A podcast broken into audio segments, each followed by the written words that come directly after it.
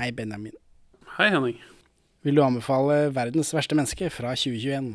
Ja. Vil du, Henning, anbefale 'Verdens verste menneske' fra 2021? Ja. Bra. Da slipper vi å legge ned den jævla podkasten her. Perla for svin. Velkommen til Perleforsvinn, podkasten for deg som syns Joakim Trier og Anders Danielsen Lien bare kan ligge sammen og bare få det overstått, liksom.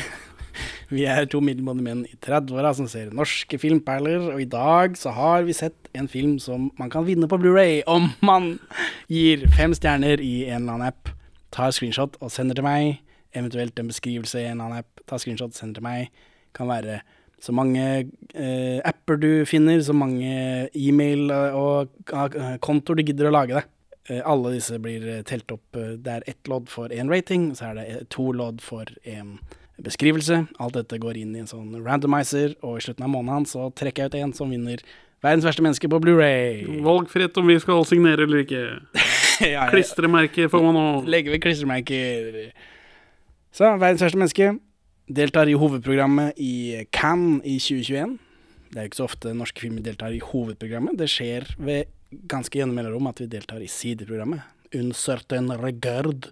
Altså drittfilmene som likevel kommer med, liksom. Nei, det vet jeg ikke, men det er uh, B-filmene. Det er litt lavere terskel, da.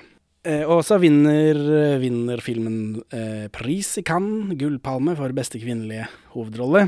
Og, eh, men samtidig som denne filmen deltar i hovedprogrammet, så deltar Eskil Vogt i sideprogrammet Uncertain Regard med sin film De uskyldige. For han jo, har jo regien på den. Ja. Eh, Og Anders Danielsen Lie er med i hovedprogrammet igjen, i Bergman Island. Så han han er med i to filmer i hovedprogrammet i, i Cannes. Så det Cannes 2021 står virkelig i Norges navn. ja. Altså, de her har jo vært rett populær. eh, Så jeg tror er flere The Atlantic har kåret det til 2021s beste film. Barack Obama nevner den som en av 2021s eh, beste filmer som han har sett. da. Ja, jeg så det. Så um, i helgen, eh, 4.-6. februar, så spiller filmen inn 135 000 dollar ved fire kinoer i New York og Los Angeles. Og det er den høyeste inntjeningen per kino for noen film så langt i 2022. Oi. Så det er over fire kinoer, altså det er ikke sånn fryktelig mange, men det er eh, mange som dukka på de fire kinoene. Ja, men altså, det, dette er en film med god word of mouth Ja, absolutt. og god presse. Det er liksom Ja, det har vært veldig mye Nå sitter vi i Norge, da. Det er litt sånn den gangen de i Gåstein lanserte Solo i Statene. Eh, ikke helt sammenlignende. Ikke helt sammenlignende, men det er, jeg tviler på at hvis du spør eh, noen i den der Freedom-konvoien og eh, har du sett Verdens verste menneske, at de kommer til å si ja, ja, det er jævlig bra, heia Norge. Julie var skuffet over seg selv. Dette pleide å være så lett for henne. Hun var fortsatt blant de beste på faget, men det var bare for mange forstyrrelser, for mange meldinger, oppdateringer, for mange ting i feeden, for mye som skjedde i verden hun ikke kunne gjøre noe med. Og så er det dette Oscar-greiene da, som vi har eh, banged the drum eh, i flere uker nå. Norge, Norge, Norge, Norge! Eh, Verdens verste menneske er nominert til beste utenlandske og som beste originalmanus. Ja. Og det er en ny rekord i norsk sammenheng. To Oscar-nominasjoner. Kommer vi til å vinne, da? Vi er her, Standpunktet i podkasten er jo at det gjør vi, men kommer vi til å vinne? Altså, de kon konkurrerer med Kenneth Branagh på beste originalmanus, og det blir ikke lett. Altså mannen som regisserte Frankenstein. ja, Mary Shelleys Frankenstein, tenker du på? Jeg trodde det var Mary Shelley som hadde regissert den. Ho, ho, ho. Takk for meg. Ja. Eh, vi begynner med beste utenlandske. Vi begynner med beste utenlandske. Det er Drive My Car fra Japan. Og så er det Fly da fra Danmark. Bu. Bu. Eh, og så er det Hand of God eh, fra Italia. Og så er det Lunana Ayak in the Classroom fra Bhutan. Oi. Og så er det Verdens verste menneske da, fra Norge. Så hva syns du om Jeg eh, har ikke sett noen av de andre. Jeg har ikke sett noen av de heller, men Drive My Car eh, har eh, Den har jeg hørt om, i det minste. Altså, Norge har jo to nominasjoner. Drive My Car har fire. Og det handler om en regissør. Så hvis man har lagd film om folk som lager film, så da vinner man alle priser. Så jeg mistenker at den kommer til å vinne beste utenlandske, dessverre. Ja, Men den her er uh, verdig nominasjonen. Selv om Oscars er jo bare fake uansett. Det er bare en gjeng ikke-relevante eks- og aktive Hollywood-folk som sitter og stemmer over film. De får tilsendt på DVD. Ja, vet du hvordan man uh, kommer inn som beste, uh, i denne beste utenlandske kategorien da, på Oscars? Nei. Utvelgelsen av hvilken film som skal representere et land i Oscar for beste utenlandske, foregår lokalt i hvert land. Uh, Og I Norge så har vi en Oscar-komité eh, som Norsk Filminstitutt står for. Og Norsk Filminstitutt ligger jo under Kulturdepartementet, så det er noe politikk i dette også. Det er 92 land som driver med dette. Og så er det rundt 1000 akademimedlemmer som ser noen av disse filmene hver, og så rangerer de dem, og så til slutt så sitter vi igjen med en sånn kortliste på 15 filmer som vi hører om hver gang en eller annen norsk film er på kortlista, og så er det sjelden de kommer videre. Men denne gangen gjorde vi det også. Eh, og denne kortlista på 15 filmer skal hele akademiet se, og så kan de velge fem nominerte, da, av de 15. Så hele disse, eh, alle disse akademifolka ser ikke alle filmer fra alle land, og så velger beste utenlandske. Eh, og eh, det er ca. 8000 stemmeberettigede i dette akademiet. Ja. Academy Awards i Oscar-komiteen. Og alle har 'achieved distinction in the motion picture arts and sciences', hva enn det betyr. Det er litt ymse andre krav også. Eh, Avhengig av hva du jobber med i bransjen. Som regissør så må du ha minst to regikreditter, f.eks., mens en skuespiller må ha minst tre skrevne roller. Ja, eventuelt så kan man faktisk bli sponsa av to andre medlemmer. Så hvis du, nå kjenner jo vi, eller kjenner Nå er det jo Altså, Hvis du har vært nominert året før, så er du også automatisk medlem i det året etter. Så nå, eh, hvis vi hører med Joachim Trier og, Ja, og Eskil Vogt, eh, så kan vi også bli med i dette. Nei. Må, Ja, og så er det, det er jo sånn styre som bestemmer og sånt. Så er, selv om vi blir sponsa av eh, både Joachim Trier og, og Eskil Våg, så er det ikke sikkert vi kommer inn for det. Så, men det er nå Oscar-prosessen for beste utenlandske, da. Det er masse annet dritt med alt det andre greiene. Det orker jeg ikke å tenke på engang. Og så er det Best Original Screenplay, hvor vi også er med. Der er det Belfast, Kenneth Branagh Don't Look Up, som herjet Netflix her. ja. Uh, King Richard, aldri hørt om. Så er det Licorice Pizza med Paul Thomas Anderson, som har en sånn seiersrunde nå, når vi sitter og spiller inn dette, tror jeg. ja. Eh, og så er det Verdens verste menneske, da. Eskil Vogt og Joachim Trier nominert. Så her er uh, Your guess is as good as mine, men uh, manuset til Verdens verste menneske står på norsk. Så det jeg skulle tro det talte imot. ja. For det må oversettes, da. Jeg antar jo at det, Og amerikanere er ikke så glad i det. Nei.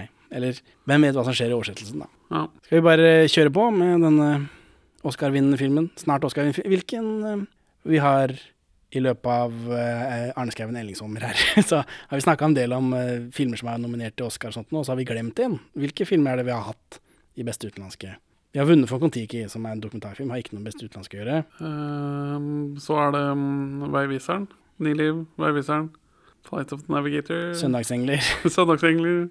Elling, eh, og de har vi fått med oss når vi snakker om dette i, i Arne Skouen Ellingsommer. Og så har vi glemt Kon-Tiki, for den ble også nominert av en av mystisk grunn. Det, jeg tror jeg at jeg prøvde å ta opp. Da, da, da var det bare klippa ut. Jeg, jo, det har jeg sagt. At jeg den har jo også vært nominert. Det tror jeg vunnet. Vi må videre. Verdens verste menneske. Eh, main titles i fine farger. Disse fargene kommer tilbake senere også. Ja.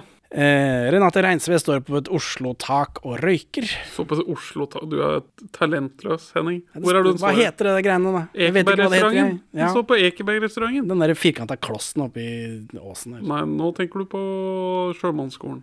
Nei, nei. Den ved siden av. Det er, den er like firkanta, den.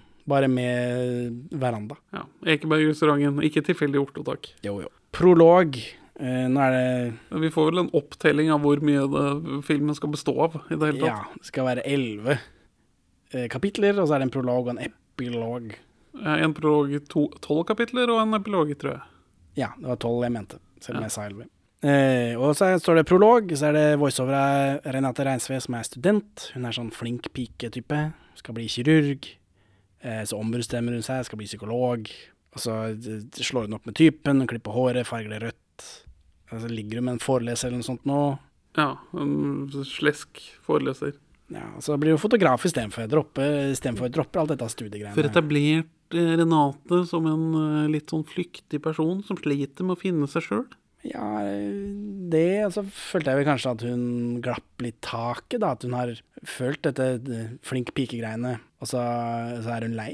Og når hun ikke har dette eh, pugge-greiene, når hun ikke har det skole-, aka, akademiker-greiene å holde fast i, når hun blir fotograf og bare detter utpå, så mister hun all driv. Eller? Eller har hun mistet det på forhånd siden hun Nei, bytter? sier- hun sier at den eneste grunnen til at hun valgte lege, medisinstudiet, er fordi det der er, er det eneste stedet hun får utdeling for å ha fått slite seg til sekser i alle fag på videregående.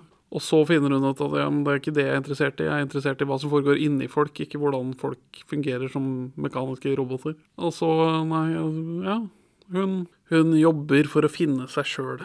Og så dropper hun disse enormt høye kravene og får seg en chill day job i bokhandel, mens hun kan gjøre noe kunstnerisk. Ta bilde ved siden av. Ja, for hun har ikke vett på å starte podcast. Nei, der de store pengene ligger. det vet jeg ikke, men i fall, eh, da kan du ha en sånn dagjobb altså så uttrykke deg kunstnerisk på podcasten. Er vi kulturelite nå, Henning? Det tror jeg ikke, men det er ikke hun heller. Nei, det er sant. Så treffer hun Anders Dansen Lie på en fest, og de ligger sammen. da. Ja. Ganske fort og greit. Og han eh, prøver å fuckboye seg ut av det, det etterpå. Ja, for han prøver å eh, postcoites rett etterpå. Det virker som de har holdt på en stund. Ja, ja. Tid uh, Joachim Trier leker med tid i måten å bygge setninger. Han klipper sammen forskjellige hendelser til å få flyten, selv om det går over lengre tid. Ja, for jeg har, også, jeg har lest at manuset som er mulig å få der utgitt, at der er disse sekvensene i litt andre rekkefølger. Denne filmen er mer kronologisk enn det originale manuset. Ja, den er saved in editing. Ja, eller om de, de har gjort om på manuset, da, for de, eller førsteutkastet, eller hva det er for noe. Det funger, det, det, grepene fungerer ganske bra. Det er ikke noe viktig om det har gått det, Vi trenger ikke en insert av fire uker senere, og de har ligget 28 ganger på den tiden. Vi trenger ikke det. Det, Nei, det men, jeg liker eh, kronologi. Jeg syns det er greit å følge med i riktig rekkefølge.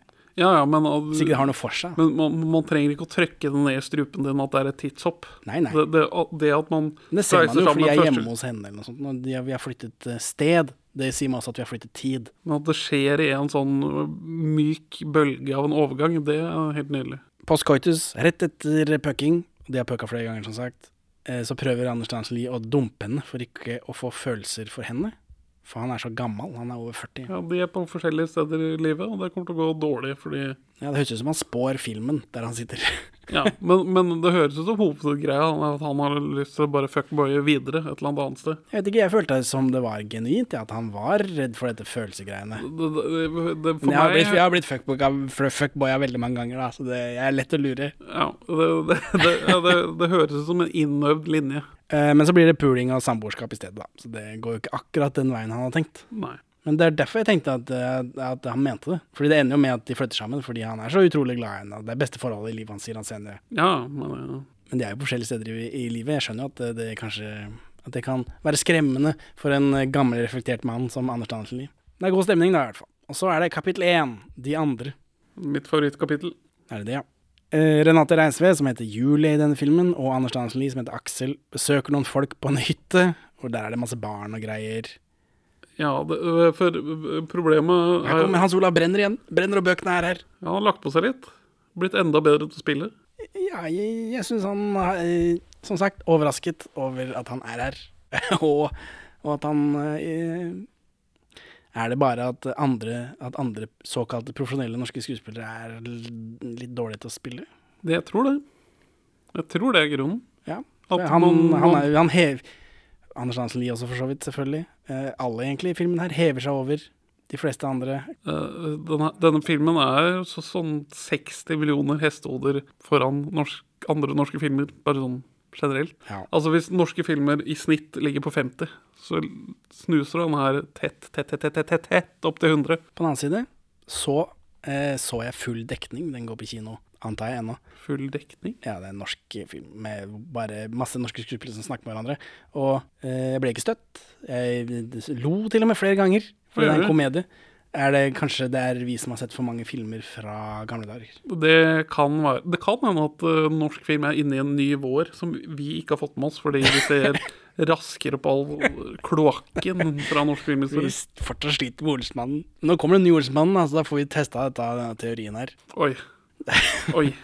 Tulljente! Slipp! Vent, jeg vil at du skal legge deg.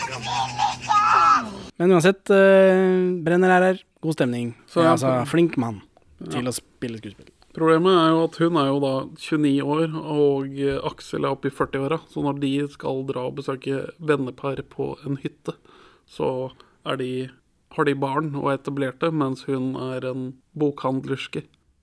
ja, og de spør, spør om hvordan, hvor er du i livet, hva er planene dine og sånt. Og hun har jo ingen sånn superambisiøse planer, hun det? Hun, ene eh, kona der vir- virker jo nesten til å mobbe henne.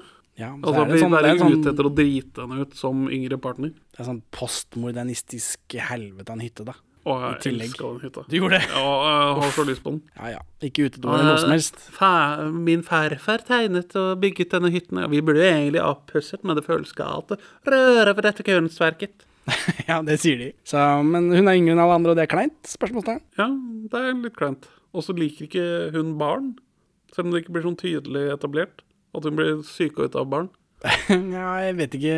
Er det så ille, da? Eller er det Ja, bare liksom Hun har ikke tatt noe standpunkt uh, for barn? barn? Eller er det bare fordi han Aksel maser så jævlig om den barnet? Ja, det, det, Vi får jo etablert at det, dette er noe det har mast om lenge, og hun har da sagt For Anders spør henne etter at et barn har klådd på henne, Uh, spør henne om det gikk bra. Han så ja, det gikk greit, selv om jeg var nær dette misfosteret. Ja. ja, for det er jo et sånt rabiat barn der som er litt sånn ubehagelig. Eh, Men så senere, da, inne på dette hytterommet de har fått tildelt, så tar de den der barnepraten, da.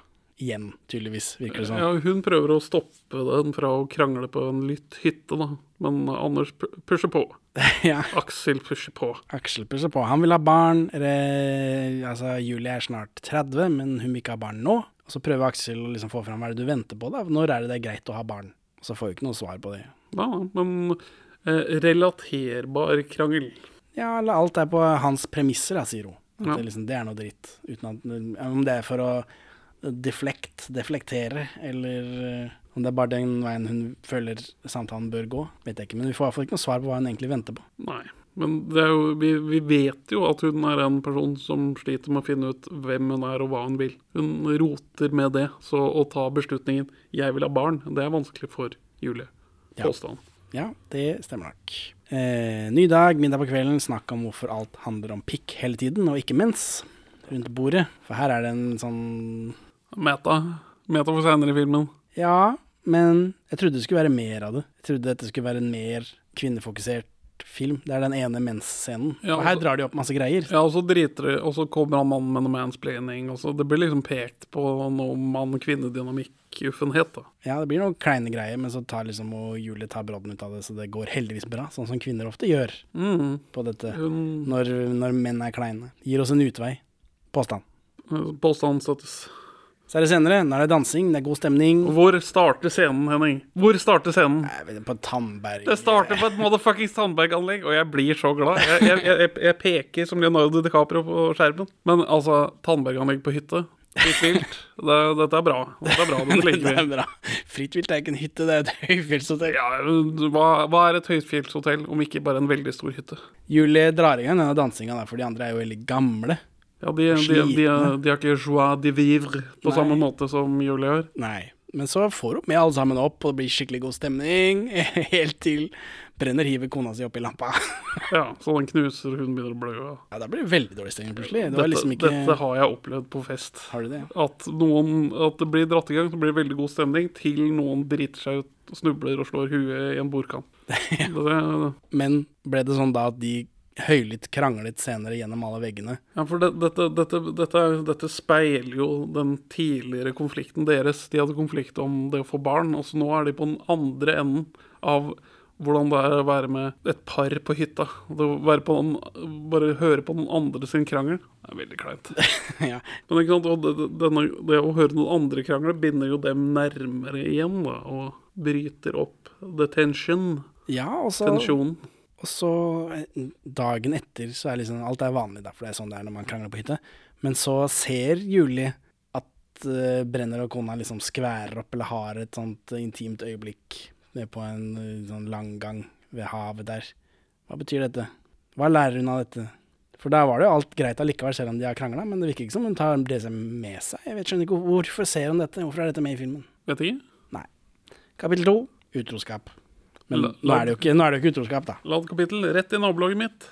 Jeg har vært alle stedene de er på her. Altså, Det er lanseringsfest for den seneste boka til denne Gaupe. Ja, for nå er vi på starten av filmen, eh, og her er det en sånn lanseringsgreie for eh, Aksels utgivelser, eller en av disse utgivelsene. Ja. Og så kommer du løpende for å få sin tur. Og det er hysterisk morsom hvor én til én han fyren her er med deg. Han som skal ha signatur. Det er ufint å si. Ja, altså, du er Han var jo ikke superkjekk, sånn som jeg er. Nei, du Han har er ikke mitt Brad Pitt-lignende utseende. Jeg vedgår at du er penere enn denne rødmussede signaturjegeren.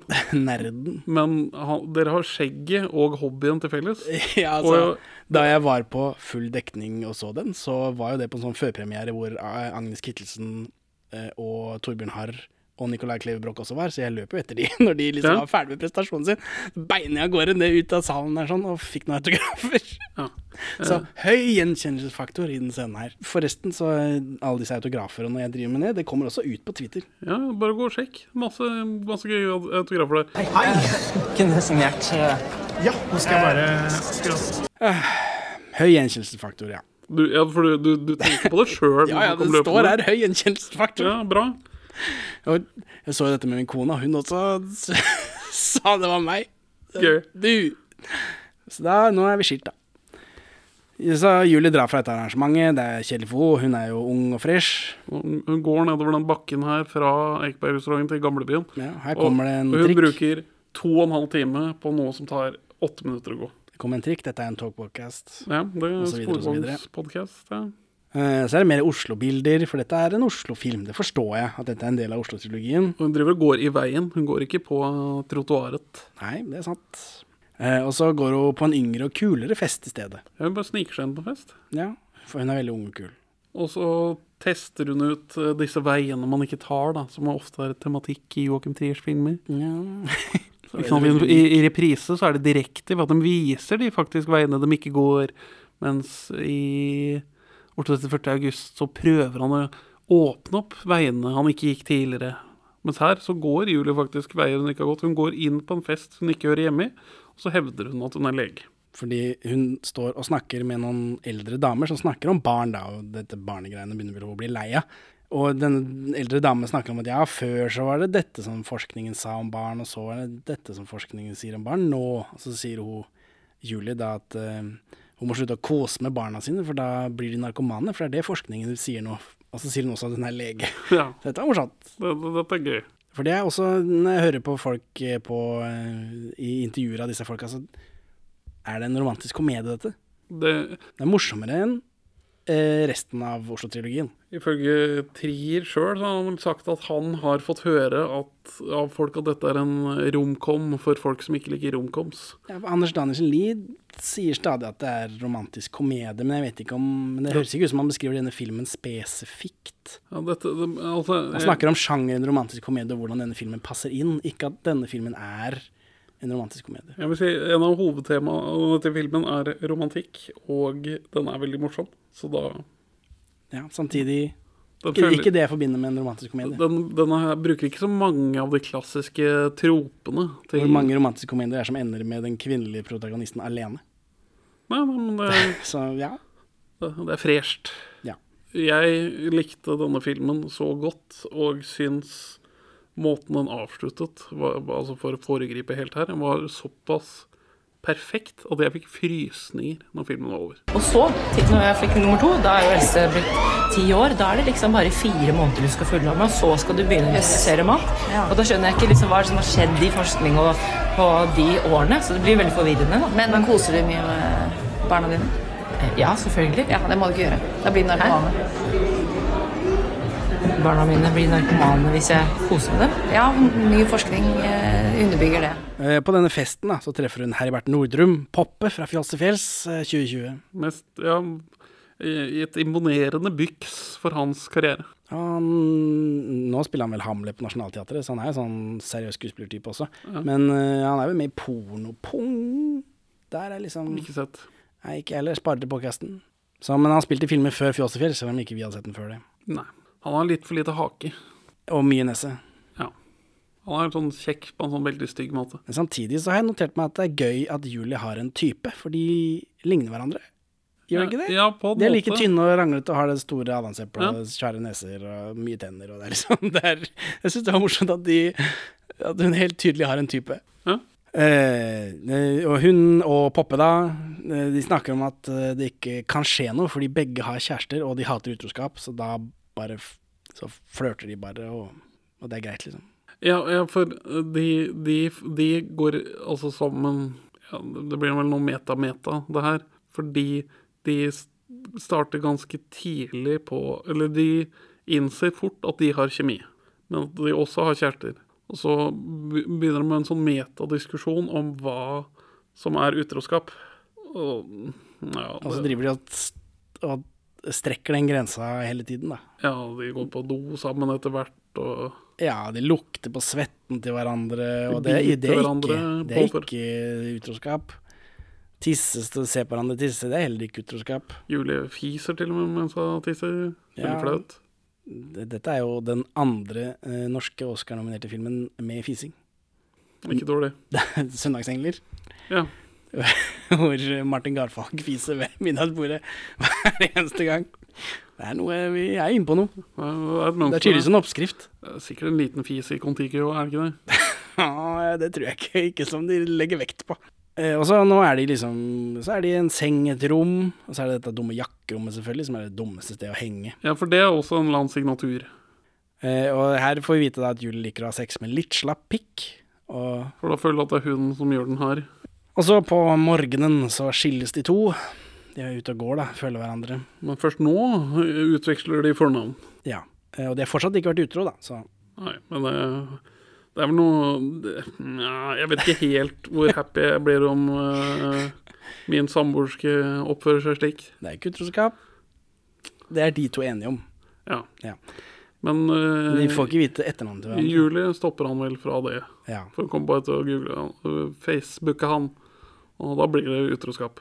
Så, så da er han ute av filmen for alltid, antar vi. Ja, ha det bra. Så er det kapittel tre, oralsex i Metoos tidsalder. Julie kjeder seg, Aksel tegner. Eh, Hun viser puppene sine til ham for å få oppmerksomhet, men det funker ikke. Aksel er, er mono, blir meget monoman når han først har en idé til denne tegneserien Gaupe. Da gjør han ikke annet i et halvår enn å jobbe med den. Nei, virker det som. Så ja, hun går og viser puppene, og så får hun ikke noen respons. Og så blir hun plutselig slått av inspirasjon, eller? Ja, så hun setter seg ned, og så skriver hun en tekst om å bli knulla i munnen. Eh, og så er det mer snakk om, eh, om slappe pikker, da, som hun liker så godt. Og så eh, leser alle det og syns det er kjempebra skrevet. Et tilbakeblikk til reprise, dette. ja, Og så blir teksten blir mye delt på Facebook og debattert, får vi høre. ja. Og det er jo en annen Trier-signatur. At folk leser tekster, eller folk skryter av tekstene til noen. For det skjer i alle Oslo-trilogifilmene. Ja. For det er vel da Er det greit å like å bli knullet i munnen mens mannen holder hodet ditt fast? Mens man Som- er feminist. Ja. Hva er podkastens standpunkt på det, på det, forresten? Ja, men alle er vel fritt vi, har, vi hadde jo en parole om dette i eh, 8. mai-toget. ja. Ekte feminister liker å bli knulla i munnen.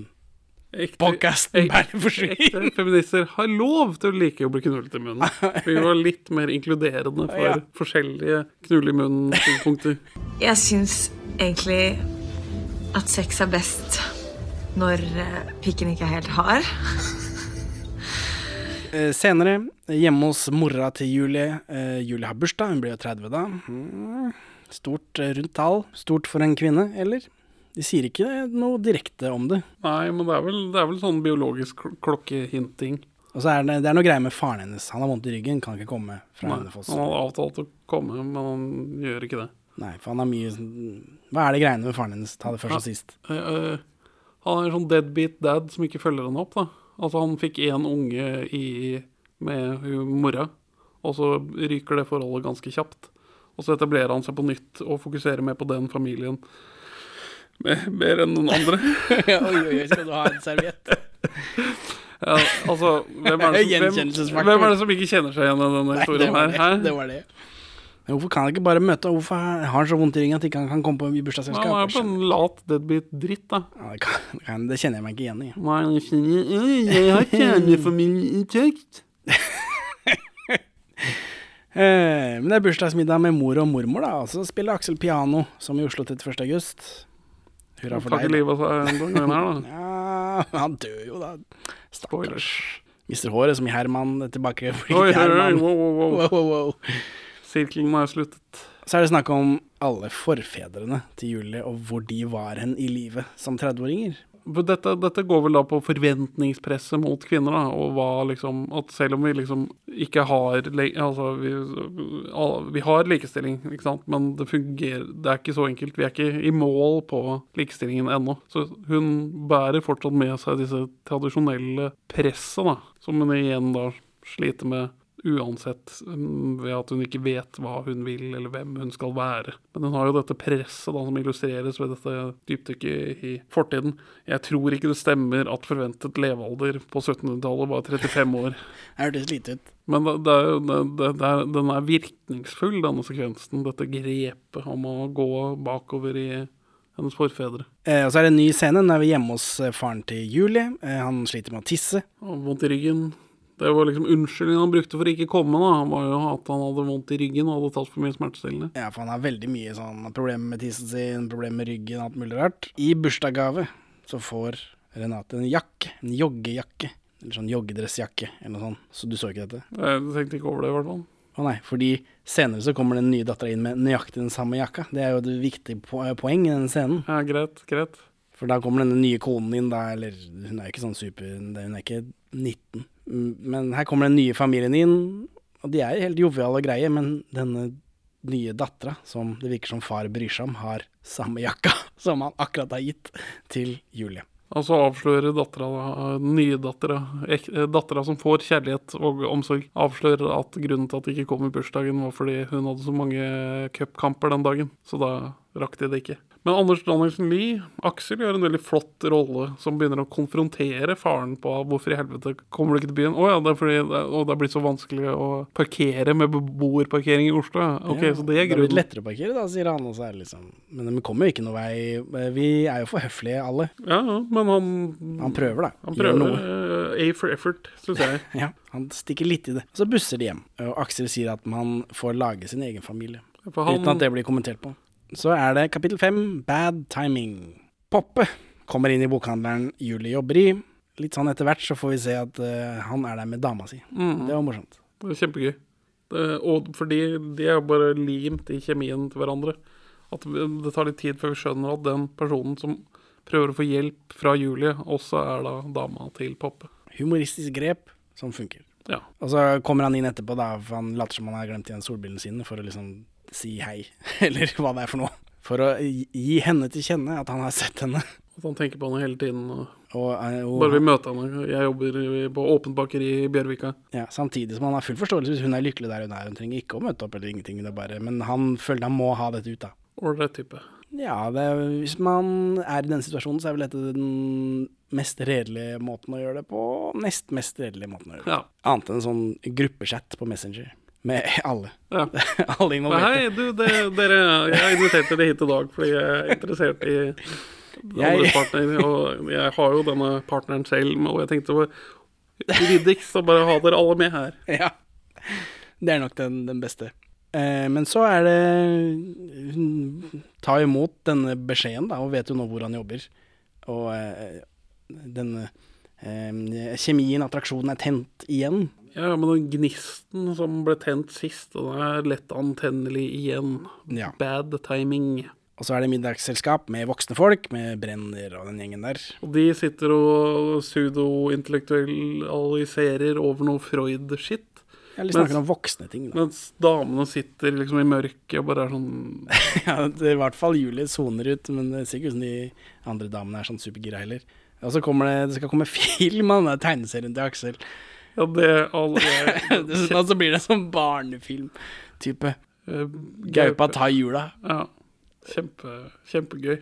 Og så er det mye snakk om, om rumpehullet til Gaupe, da. Som er blitt tatt bort. Og så snakker Aksel om hvor viktig det rumpehullet er for han, og hva det betyr. Ja, sånn Det, er, det brenner sier at det er den viktigste kaviarstjerna i undergrunnstegnserien, eller Og sånt. Vi har jo fått sett Gaupe så vidt den tegneserien, og så får vi se den plakaten som han har fått tilsendt. Ja, Og ja, Det er jo flaut ha navnet sitt på det her. Og Ja. er liksom sånn veldig barneblankpolert. Eh, og så er det morgenen etter. Og nå har Julie har tenkt på dette, antar jeg. I, mens hun har hørt om kaviarstjerner og Freud og alt mulig dritt. Og så skal Aksel til å helle henne en kopp med kaffe. Og så skrur Julie på lyset, Ja. og så fryser samtidig tiden. ja. Eh, Hva er dette for et grep som bare kommer én gang i filmen? Du, OK, Henning. kan du tolke hva, hva denne sekvensen symboliserer? Nei, det er at Julie og Poppe har et eh, øyeblikk, en boble i tiden, bare for seg selv, hvor de bare tenker på seg selv. Men så vet jeg Eh, eh, OK, Henning, vi, vi tar det enkelt. Hva er det som skjer? Vi starter der. Ja, så kan du tolke det det etterpå. Hva, hva skjer nå? Hva skjer Nå fryser tida, og så går hun Julie ut, og så går hun ned til Barco der hvor han står og er barista, og han beveger seg. Det går beveger for masse fryste. Alt, Ja, ja, alt er fryst, Jeg tenker på alle statistene som driver med dette, nå som jeg er sånn statist. Uansett, hun går ned, eh, og han Poppe står og er barista, og han reagerer ikke på at alle er fryst i tid. Og så har de liksom hele dagen for seg selv. Ja, de kysser, de går ut og kliner i parken. Ja, alle er fryser rundt dem hele tiden. De går og sitter på noen benker. Og så går, det, går, det går fulle 24 timer. Og så går hun Julie tilbake, og så ufryser hun tiden. Ja. Hva symboliserte dette? Nei, Nå sa at de hadde boble i tid sammen, eller okay, så, så, Eller er det hun nei, Jeg tror Så- ikke det er hun som tenker dette i sitt hode. Jeg tror, jeg, pop- tror dette er opplevd på en eller annen måte. så Poppe og hun hadde et, en boble i tiden. Jeg tror de har opplevd noe sammen, men at det er 24 timer hvor eh, tida er fryst, det tror jeg ikke. Jeg tror det skal representere noe de har sammen. men Han vet om dette etterpå. Jeg rister på hodet. Du forstår ikke symbolikk. Enkelt og greit. Du, bare, du er blind for det. Du har eh, symbolblindhet Det er som diagnose. eh, Ja, for å si det, da, du som er Nei, eksperten her. det- du som tydeligvis er inni hodet på filmskaperne. Ja, altså, det er jo symbolikk, og det er åpen for tolkning. Ja, Men det er tolkning! det. tolka Nei, du. Tolka det ikke. Du, du tolka det ikke. Du sier jo bare det som skjer, og så er det tolkningen din. Det er ikke Ja. sånn det funker. Nei, det her er Dette her er den kverningen hun har gjennomgått. Altså, hun har tusen tanker i hodet på en og samme tid om, hva, om den derre animalske tiltrekningen hun har til Poppe. Dette er en fortelling, en, en, en billedfortelling om hva hun gå gjennom før hun liksom tar beslutningen om å gjøre det slutt med Aksel. Dette er, dette er hva hun vil, dette er hvorfor hun går til det skrittet å slå opp med han. Dette er liksom alle tankene som bruser gjennom hodet hennes før hun går på stupebrettet og kaster seg ut i et brudd. Ja, det gir mening. Ja, gjør det ikke det? jo, jo. Faen, ass. Jeg sier det gir mening. Så Julie dumper Aksel da, mest i voiceover. Du er Denne, denne breakup-scenen er så fantastisk flott gjennomført. Altså Gjenkjenneligheten er så stor på alt i det bruddet. Til og med kronet med sånn ynkelig breakup-sex. Åh. Nei, det, det, det var, dette var grusomt og nydelig på samme tid. Ja, ja, Vi har gått gjennom forskjellige brudd, skjønner jeg. Ja, det kan være. Du hadde ingen gjenkjenning på dette bruddet her? Jeg forstår at jeg for, Eller jeg hadde nok tankene som de utfører her, men når noen sier det slutt på meg, så sier jeg OK. Hva skal jeg gjøre med det? Og så autister du av gårde. Nei, altså Ja. Det, selv om jeg får tigd meg tilbake, hva er vitsen, liksom? Nei, nei, men det kan Så være det, det er jeg ikke så interessert i. Nei. Nei, Så, men, ja, men jeg har hatt alle disse tankene, har jeg hatt, men jeg har ikke uttrykt det. Liksom Skal du gå fra meg? Jeg går fra deg, jeg! Ja. liksom Jeg har jo tenkt det, men øh, jeg har ikke øh, satt det ut i livet, fordi det vil ikke gagne noen. Ja. Så kommer det opp der, dette kvinne-mann-dynamikk-greiene om at hun har så jævlig stort hun, hun har et problem med at han skal definere alt, og liksom definere alt for henne, og det blir liksom bare feil. Ja, og Og så er det veldig frem og tilbake. Men det er en kjempe, kjempeflott sekvens. Vanskelig å gjenfortelle. Ja, Altså, men dette er post uh, Eller før de begynner med dette oralsex-greiene, så er det Får vi en scene som går mest i voiceover, hvor de sier og beskriver om Eller det er Julie da som har voiceover, hvor hun i voiceover forteller det akkurat det som skjer på skjermen. Hva er dette for noe? Er det hun som dissosierer? Dissosierer? Jeg, jeg tror det, for hun forteller jo også at hun får ikke med seg hva han sier, fordi hun tenker på noe annet. ja, men, men noen ganger så blir dette voiceover-greiene brukt for å fortelle hennes tanker også, så det syns jeg er litt forvirrende at de bruker det på to forskjellige måter. Ja, men det er jo, det ser helt likt ut. det er jo vanskelig å stå i en sånn i, stå i et brudd, da. Så vel, det skal vel illustrere den vanskeligheten på noe vis, da. Eh, så blir det noe krangling da. Aksel Sirin spiller ut et oppgjør mot faren sin. Enig? Uenig? Uh, ja. Symbolkongen i på hjørnet der. Eh, og så kommer den der oralsex-greiene, og etter det Det føles veldig, som et veldig ynkelig grep fra Aksel for å prøve å binde de sammen igjen. Men ja, jeg har vært med på å ha ynkelig breakup sex, så det er ikke det. Eh, og så ja, den, bare, bare se den scenen her. Det går ikke an å gjenfordele. Jeg kan ikke gjenfordele Mona Lise. Ikke så verst scene, har jeg notert. Og det stemmer vel. Ja. Eh, og så avslutter det med pikk i monitor. Det fikk jeg ikke med meg engang. Fikk du ikke med deg pikk i monitor? Jeg noterer når jeg driver med dette. Jeg, Ja. ikke, jeg får ikke med meg halvparten av det som skjer. Nei, det, når det siste vi ser når hun liksom gjør som deg og bare går Ja. For de, de, de har jo kom, de har gått fra krangle til å snakke fint sammen igjen. Da. Og så bryter hun det håpet om at nei, jeg har fortsatt bestemt meg selv om jeg har det hyggelig. Og så går hun. Og da går han litt etter, og så har han på seg T-skjorte, og så får vi se penisen til Anders Danielsen Lie. Jøsse navn. Ja, det jeg får spole tilbake og se. Og det, men, og det ifølge Trier så skulle det representere female gaze i Ja. filmen. Ja, for det har vært litt pupp eh, nå, men ikke sånn seksualisert pupp. Ikke det er sånn- ikke Sweetwater, dette. Nei, det er ikke, dette, dette er ikke Herregud, Petronella Barker som hovedrolle i 'Verdens verste menneske'. Herregud. Uh, nei, det er ikke det, men her får vi da For å vri om til at dette er en film som faktisk foregår fra et kvinnelig perspektiv, med mannlig regissør og manus, eh, så får vi da the female gaze representert isteden. Vi skal se på kukken til Anders Danielsen vi. Ja, jeg la ikke merke til den en gang. Jeg vet ikke hva det sier om meg eller kukken til Anders Danielsen Altså, mange leger har sett min penis, men ingen Jeg har ikke sett en leges penis. Nei.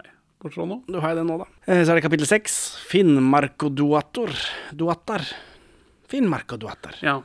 For nå er pappa og dama på telttur i mørket, og så Slår de opp telt litt for seint. Ja, men Og de det, det. går greit, liksom. Dama hans våkner dagen etterpå, og så treffer hun en rein utafor teltet. Og dette vekker noe i henne. Hennes identitet som same, til tross for at det er 3,1 samegener i henne. For hun tar en sånn test. Ja, for dette er det eneste kapittelet som ikke fokuserer på Julie. Ja.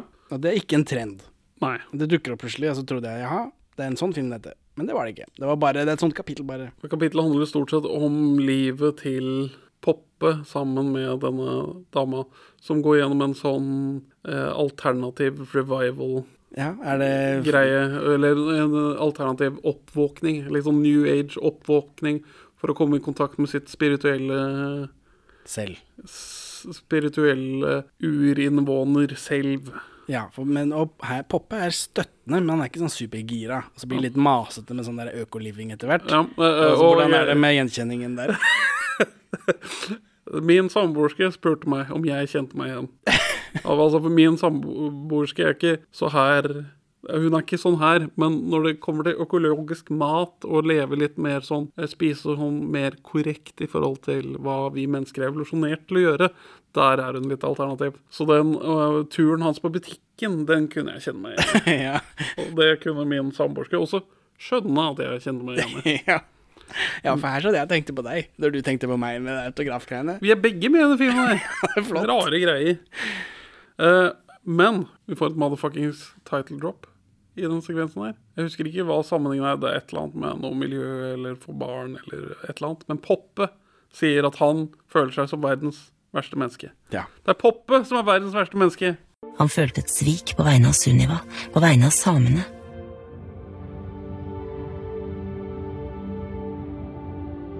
Han følte seg som verdens dårligste menneske, men greide ikke stå imot. Eh, men dette kapittelet går fort over. Kapittel syv. Ja, altså, de, de slår de, de slår eh, opp, men ikke helt sånn tydelig. Han og hun Jeg gjør de det? Jeg tror det. Det sto det i oppsummeringen på Wikipedia. Ja. Men den, den oppsummerer den, den skriver ting tydelig som er utydelig i filmen, så jeg stolte ikke helt på den. Nei, men det, fordi det som skjer nå, eller altså kapittel syv, et nytt kapittel, det åpner med at eh, Julie og Poppe så kommer klinende inn i en leilighet og puler. Så de er jo på en måte ferdige på hver sin ende. Så det stemmer nok det at de slo opp der. Her kommer det fram at Poppe vil heller ikke ha barn, eh, for han har et dårlig forhold til sin far. Og miljøaspektet, for han har blitt smittet av miljøtankegangen Ja. fra forrige forhold. Ja.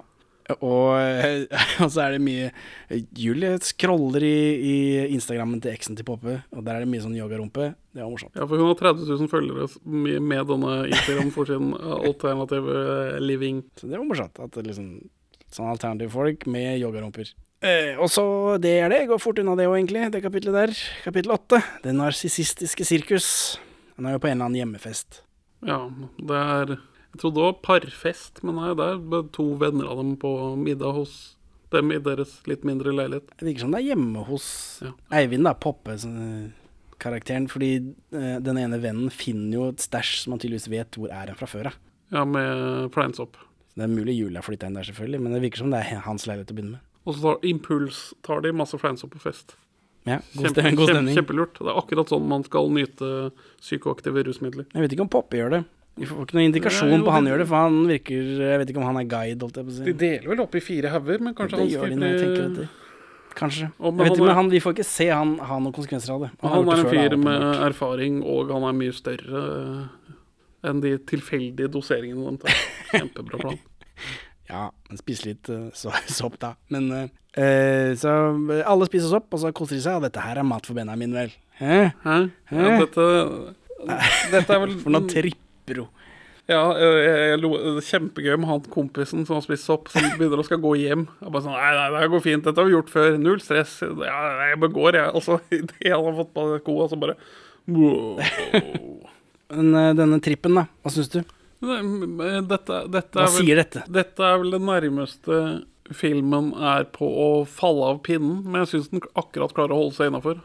Ja, for jeg er At det, eh, det blir bare Det blir gøy, og jeg, jeg skjønner ikke alt den gjør, men det blir jo veldig meta. Og, Jeg hadde vel lest at dette skjedde. Jeg trodde det var lenger, men det går ganske fort. ja, det, det, det, det er høy energi, da. Så det, Hva skjer da? Eh, hun begynner å trippe, og så får vi vel et klipp til kinosalen som reagerer. ja, det får vi også. Veldig breaking the fourth wall. Ja, Og så blir hun en gammel dame. Nei, hun blir ikke en gammel dame, hun får en gammel damekropp mens hun blir tafsa på. Dette Hva, hva symboliserer dette? Ikke snakk til meg om symbolikk, jeg orker ikke. Eh, dette tror jeg symboliserer eh, kroppspress og den uheldige effekten det har på eh, jenter og kvinner. At altså det, hun føler hun har en stygg og feit kropp. Og dette, dette er, Vi får liksom bilde av hvordan hun ser seg selv. Ikke at hun noensinne har tatt opp noe særlig Nei, sånn kropp. det har jeg ikke Eller jo, hun, hun er jo Hun sier jo til Poppe når hun stalker Instagram til eksen, at øh, hun håper ikke hun er at øh, dama hans, eksen hans, er bare den, det sexy, og så er hun det trygge, kjedelige valget. Så hun har jo noe øh, på det. Ja. jeg, jeg får det ikke til å henge på noe annet grei på noen annen måte enn det. At det, dette må være et eller annet sånt om kvinners problematiske forhold til eget selv pga. utseendepress i vårt samfunn. Og så kaster hun mens på faren sin. Ja, for faren dukker opp der og ler, og så er det vel en sånn animert gaupe som Ja, for Aksel er også der, sammen med gaupe. Og så har Julie en baby i den, med den gamle kroppen sin, og så kommer den der gaupa og spiser den. Ja. Og så er dagen derpå da etterpå. Eller, og hun, Ja, hun maler seg selv i ansiktet med mensen sin. Krigsmaling med, med, med en tampong hun trekker ut, og så pælmer hun det i trynet på faren. Altså, hun får et sånt eh, emosjonelt gjennombrudd i denne trippen, da. Og det er jo noe folk rapporterer at de opplever på psykoaktive substanser, og som også har vært veldig hipt på at sånn kulturelite i Oslo. Ja, jeg mikrodoser MDMA, jeg mikrodoser LSD, og da det har faktisk løst all min depresjonsproblematikk. Ja, jeg makrodoser heroin, sier de ned på Og det er i. Oslo 31. august. Oh, ja. Eh, Men så er det dagen derpå, da. Eh, Julie er litt sånn slapp, men alt er bra. Ja, og så har hun blod i trynet. Jo, jo. Mens blod i trynet. Ja. Og så kommer Poppe innom, eh, og så ligger de i senga. Poppe sier at han elsker henne. Hun svarer ikke, han sovner. Han tar ikke noen notis av det. Nei.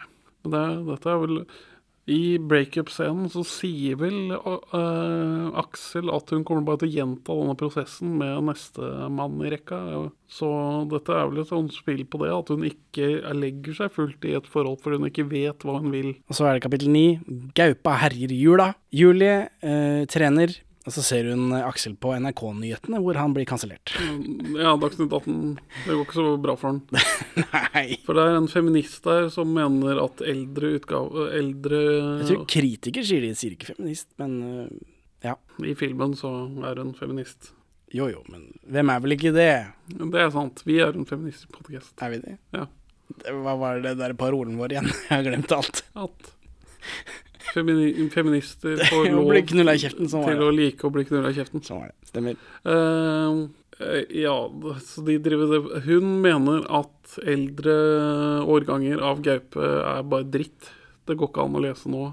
med moderne øyne, fordi de er bare banale og sexistiske og jævlige. Og det tar ikke Aksel så godt, Nei. den kritikken. Han har en liten meltdown på TV. ja, Veldig bra PR for den eh, barnefilmen hans som kommer ut. kjempefint. Eh, jeg syns begge debattantene driter seg ut og har ett et godt poeng hver. Ikke at jeg husker nødvendigvis hva de var, men jeg syns begge to er duster i denne debatten her. Jeg er enig med Aksel om at kunsten må da få lov til å liksom harselere med forskjellig dritt, og så eh, har hun et godt poeng på at ja, men det blir jo bare å sparke nedover. Og det, ja. Men kunst må harselere, men hva når den kunsten er dritt, da? Hvis ikke jeg liker kunsten. Det får så være. Men så driter han seg vel Han skyter seg sjøl i begge låra når han Hvis jeg får plutselig lyst til å lage at min karakter Gaupe skal se på deg og tenke 'hore', ja, så, altså, så kaller du meg for hore, og så sklir dette ut, da. Eh, Og så ender det hele kapittelet ender med eh, For Julie driver jo og trener og ser på dette på TV, så hun liksom opplever dette. Og så hører vi denne kritikeren si det Sexarbeidere heter det nå, faktisk. Og så er det nytt kapittel. Morsomt. Kapittel ti. Ubehaget i kulturen. Brenner kommer innom bokhandelen plutselig. Ja. Julie jobber. Det virker som det er tilfeldig. Han er innom der for å kjøpe bøker, antar jeg. Brenner og bøkene. mm, Eh, Brenner sier at Aksel er syk, han har kreft, er døende. antok at hun visste det. Ja. Og nå, vi får jo basically vite at Aksel kommer til å dø, for han har jo den døveste typen kreft. Bukspyttkjertelkreft. ja. Fordi man aldri får vite at man har bukspyttkjertelkreft før det har spredd seg til andre ting, og man begynner å bli Oi, jeg har plutselig litt vondt i ryggen, jeg. Ja, det er ikke noe. Oi, jeg har plutselig helt gul hud. Ja. Som betyr at nå er du i det stadiet hvor eh, 99 er døde før det har gått fem år. Eh, ja, men eh, Så hun er trist for det, da. Og vel hjemme. Så, så finner Poppe noe som Julie har skrevet eh, og kaster i søpla. Eh, og han sier at det, er bra, da. Det er alt, eh, alt karakterer i disse filmene skriver, er bra. Poppe sier at det er fint å lese om henne og bla, bla, bla. Men hun blir sint. Virker som hun blir Hun er ute etter å krangle. Ja, det, er korrekt lest, Henning. Takk. takk. For dette, dette mente du i, om en scene i reprise også, så var jeg uenig. Men her mener jeg det også. Ja, hun har vanskelige følelser relatert til at eksen hennes er døende, og eh, er bare ute etter å slenge dritt rundt seg. Og da er det Poppe som står der klar til å ta imot. ja. Og han, er- men han skjønner jo at noe er muffens. Men han får ikke henne til å innrømme det. Hva, hva, hva er det som skjer? Jeg skjønner ikke helt. Og så er han Jeg vil si det er veldig modent og korrekt av han når hun nekter å liksom innrømme at det er noe annet i gjerdet, og bare gå ut av situasjonen. For altså, Hvis ikke så blir det bare å stå og ta imot abuse, liksom. Det er bare dritt. Kapittel 11. Positiv. Ja, og da er det sånn Er er det preggers nå, da? Siden det har vært så mye tematikk. Og, men øh, deilig at den ikke lar det henge i lufta. Vi klipper bare rett til hun som står og spyr i parken. Ja. Rett til en positiv test fra spying. Eh, og hun sier ikke noe til pappa. Nei, for det er jo litt kleint, da. To stykker som ikke vil ha barn, og hun er preggers. Jo, men det er greit å si fra, da. Det er høflig, det. Julie besøker Aksel på sykehuset. Han hører på punk eller noe, eh, som i reprise. Eller? Ja, jeg det hørtes litt sånn turboneger eller et eller annet. sånn- Jeg vet ikke, Han lufttrommer iallfall som en gærning, og her eh, er det noen kamerabevegelser vi ikke har sett før. Hva er dette for noe? Det- det- Dette er bare energisk filming av lufttromming for å liksom Det, det godt, godt filmet. Jeg har aldri sett så godt filmet lufttromming. Lufttromming? Ja, men hvorfor gjør de disse bevegelsene med kamera nå? De må, det må være fordi de vil si meg noe, ikke bare fordi de ser så fett det er og luftrommet. Det er vel fordi at vi har med en karakter som er, har vært ganske lavmælt hele veien. Men vi vil vel illustrere at dette er en mann som ikke har lyst til å dø. Ja, Han har fortsatt noe joie de vivre i seg. det kan stemme. Nå har iallfall eh, Anders Danielsen Lie mista håret, da, sånn som i Herman. Så han ofrer seg for kunsten nok en gang, tar håret. Han har vist både penis og sin blanke is. Eh, og nå de prater og sånn, da. Julie og Aksel. Aksel snakker om at han er gammel, han har sluttet å lete etter nye ting. Han ser bare gamle filmer osv. Åssen er det med Ja, gjenkjennelsesfaktoren her? er- her blir det ganske høy, spesielt når han begynner å mimre tilbake til fysisk format. Ja. Her får du ganske hard gjenkjenning, tror jeg. Ja, ja, Jeg kan bare- fortsatt se for meg hele innsiden av Videonova, og den, den er jeg så med på. Altså, hvor døvt er det ikke å sitte og bla? Altså, du, streaming, du har he, hele verdens filmer å velge. Du har ikke det. Men det føles veldig sånn. Det er et hav av muligheter. Men jeg savner å gå blant hyllene på Videonova. Jeg gjør det. Det er den følelsen jeg gjenskaper i mitt nye hjem. Ja. Så eh, følg oss på Twitter, der legger jeg ut bilder av alle VHS-ene jeg kjøper. Eh, For han, eh, Aksel har vokst opp uten internett, hans verden er borte på en måte. For han har vokst opp med fysiske ting, det er borte nå med internettet. Eh, Butikker, Videonova da. Han har brukt livet sitt på å samle på albumer og sånt. Ja, Han nevner Pretty Price, en bruktbutikk som ikke eksisterer lenger, hvor jeg også handla plater. Ja, ja, ja. Så jeg er sånn hipp elitefyr, jeg òg. Eh, han, men han har bare fortsatt å samle, selv om ikke det gir han de store opplevelsene lenger. Så, og nå er dette alt han har. Masse kunnskap om ting ingen bryr seg om. Høy gjenkjennelsesfaktor. Ja. Eh, han har ikke noe forover, han har bare det som har vært, og, og det er dødsangst for han eller noe. Sier han i hvert fall. ja, det er jo det er jo veldig dødsangst å bare skue bakover når man kjenner på døden. Han er jo i dødens klamme favn. Ja, han er på god vei. Eh, Julie vil at han skal si at han tror hun blir en god mor, sånn som han pleide. Han skjønner med en gang at hun er preggers. Ja, men han sier det ikke. Altså, Jo, han sier det. han sier ikke 'du blir en god mor' med de, akkurat de samme ordene som han brukte tidligere i filmen. Nei, For det men, hørtes ut som det var det hun ville. ja, men han utvider konteksten på det, da. Han, han, han er Ja, ærlig han på sier at ikke 'fy søren, du bør bare ta abort med en gang'. Han sier ikke det. Nei, Han sier jo at han føler at han, hun ville blitt en god mor, men da, han selv var jo usikker på det å ville bli far. Men han ville ikke vise det da, for han var redd for at det ville få henne til å trekke seg lenger bort fra det å få barn. Men eh, altså, for en shit sandwich han får i fanget, der han allerede er døende eh, av kreft, at hun er blitt preggers med en annen mann. Jeg syns han tar det overraskende godt og modent. Vet ikke, livet går videre hvis han er død Livet går ikke videre. Jo, for henne, da. Ja, livet slutter for han. Ja, men altså, eh, han er uselvisk og fin her, i hvert fall. Ja, så ligger de og spuner i den sykesenga. Altså, nå er vi vel på kanten av utroskap igjen. nei altså- Spune med din døende eks. Jeg følte Det var ikke seksuelt på noen som helst måte. Alt det andre de gjorde på den festen, var veldig seksuelt. Han Alt det usexy Han- tingene hun, de gjør på den festen, er veldig seksuelt. Mens så, dette her Og så føler han på brystet hennes etter hvert, da. Og da flytter hun hånden vekk. ja, Pytt, pytt. Aksel spør om hun hadde truffet barnefaren da hun gjorde det slutt, og hun sier ja.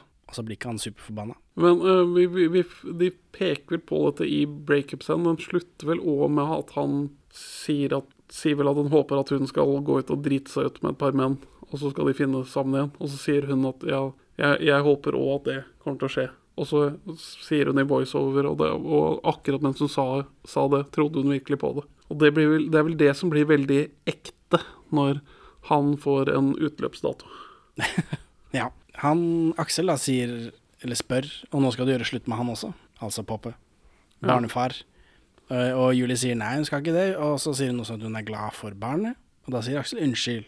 Men Det er jo, litt usikkert eh, om hun er glad for dette barnet. Ja, hun har vel sagt det, at hun ikke vet. Og det er vel det, det, det det, er det, som får han til å tro at han vil gjøre det slutt med barnefaren. Denne usikkerheten. Aksel sier eh, hun var det viktigste forholdet i livet hans, og så griner han litt. Men dette er ikke filmgrining som vi er vant til å se norsk filmgrining. Søren, det Det er gull. Julie kommer hjem til Poppe, eh, sier hun er gravid, eh, og nå vet hun ikke om hun vil ha det. Om hun vil ha det. Hun trenger tid til å tenke, så da er det, det slutt, da, plutselig. Så da hadde han Aksel hadde rett. Kapittel tolv, alt tar slutt. Julie er ute og lufter en døende Aksel.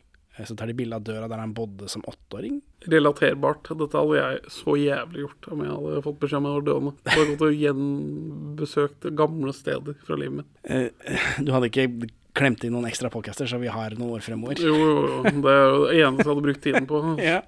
Se film og podde. Da måtte jeg måtte jo satt av tid da, i mitt liv til å gjøre dette med min døende venn. Du må huske at det er et offer for meg også. Ja, selvsagt, selvsagt. Eh, Julie tar bilder av han da, mens han sitter i trappa der og er døende. Eh, og så er det noe vindu i denne trappa med, eh, Med sånne fargete små glass. farga glass i liksom hjørnene.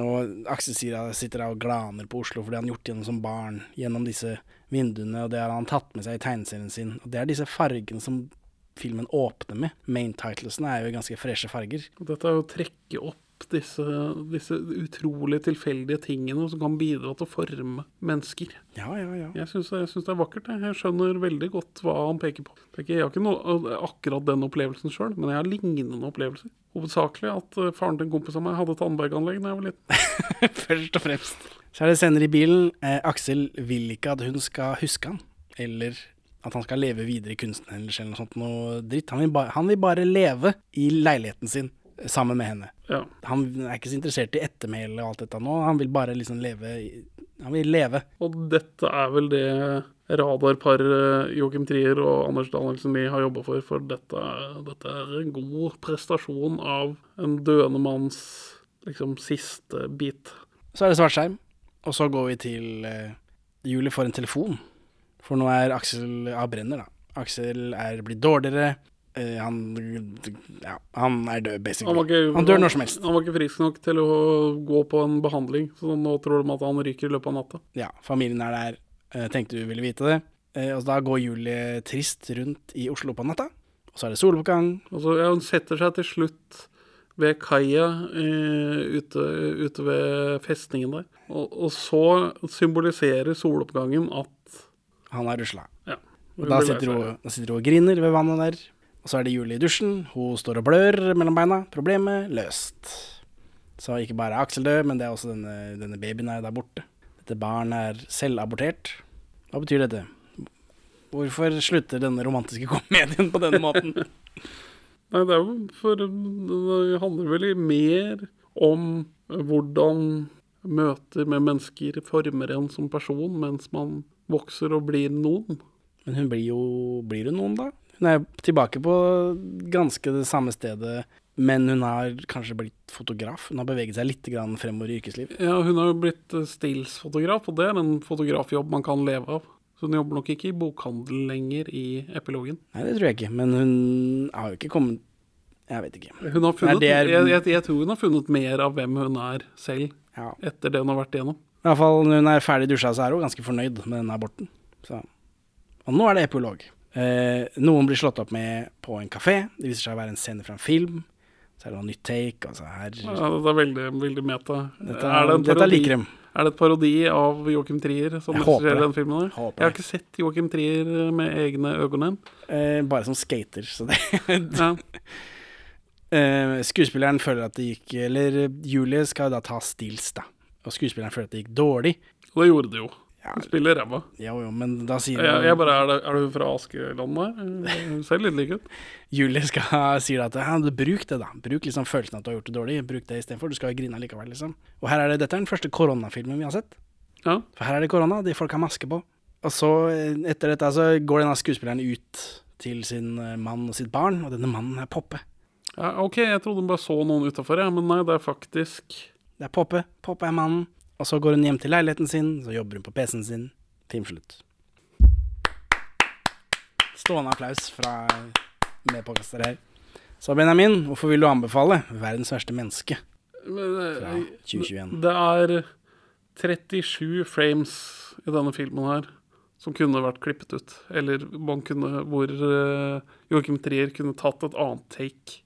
Utover det så finner jeg ja, nei, hel, he- helheten og enkeltkomponentene det funker bare så jævlig bra. Altså, jeg, altså som, som jeg nevnte tidligere her, jeg fikk frysninger når filmen var over.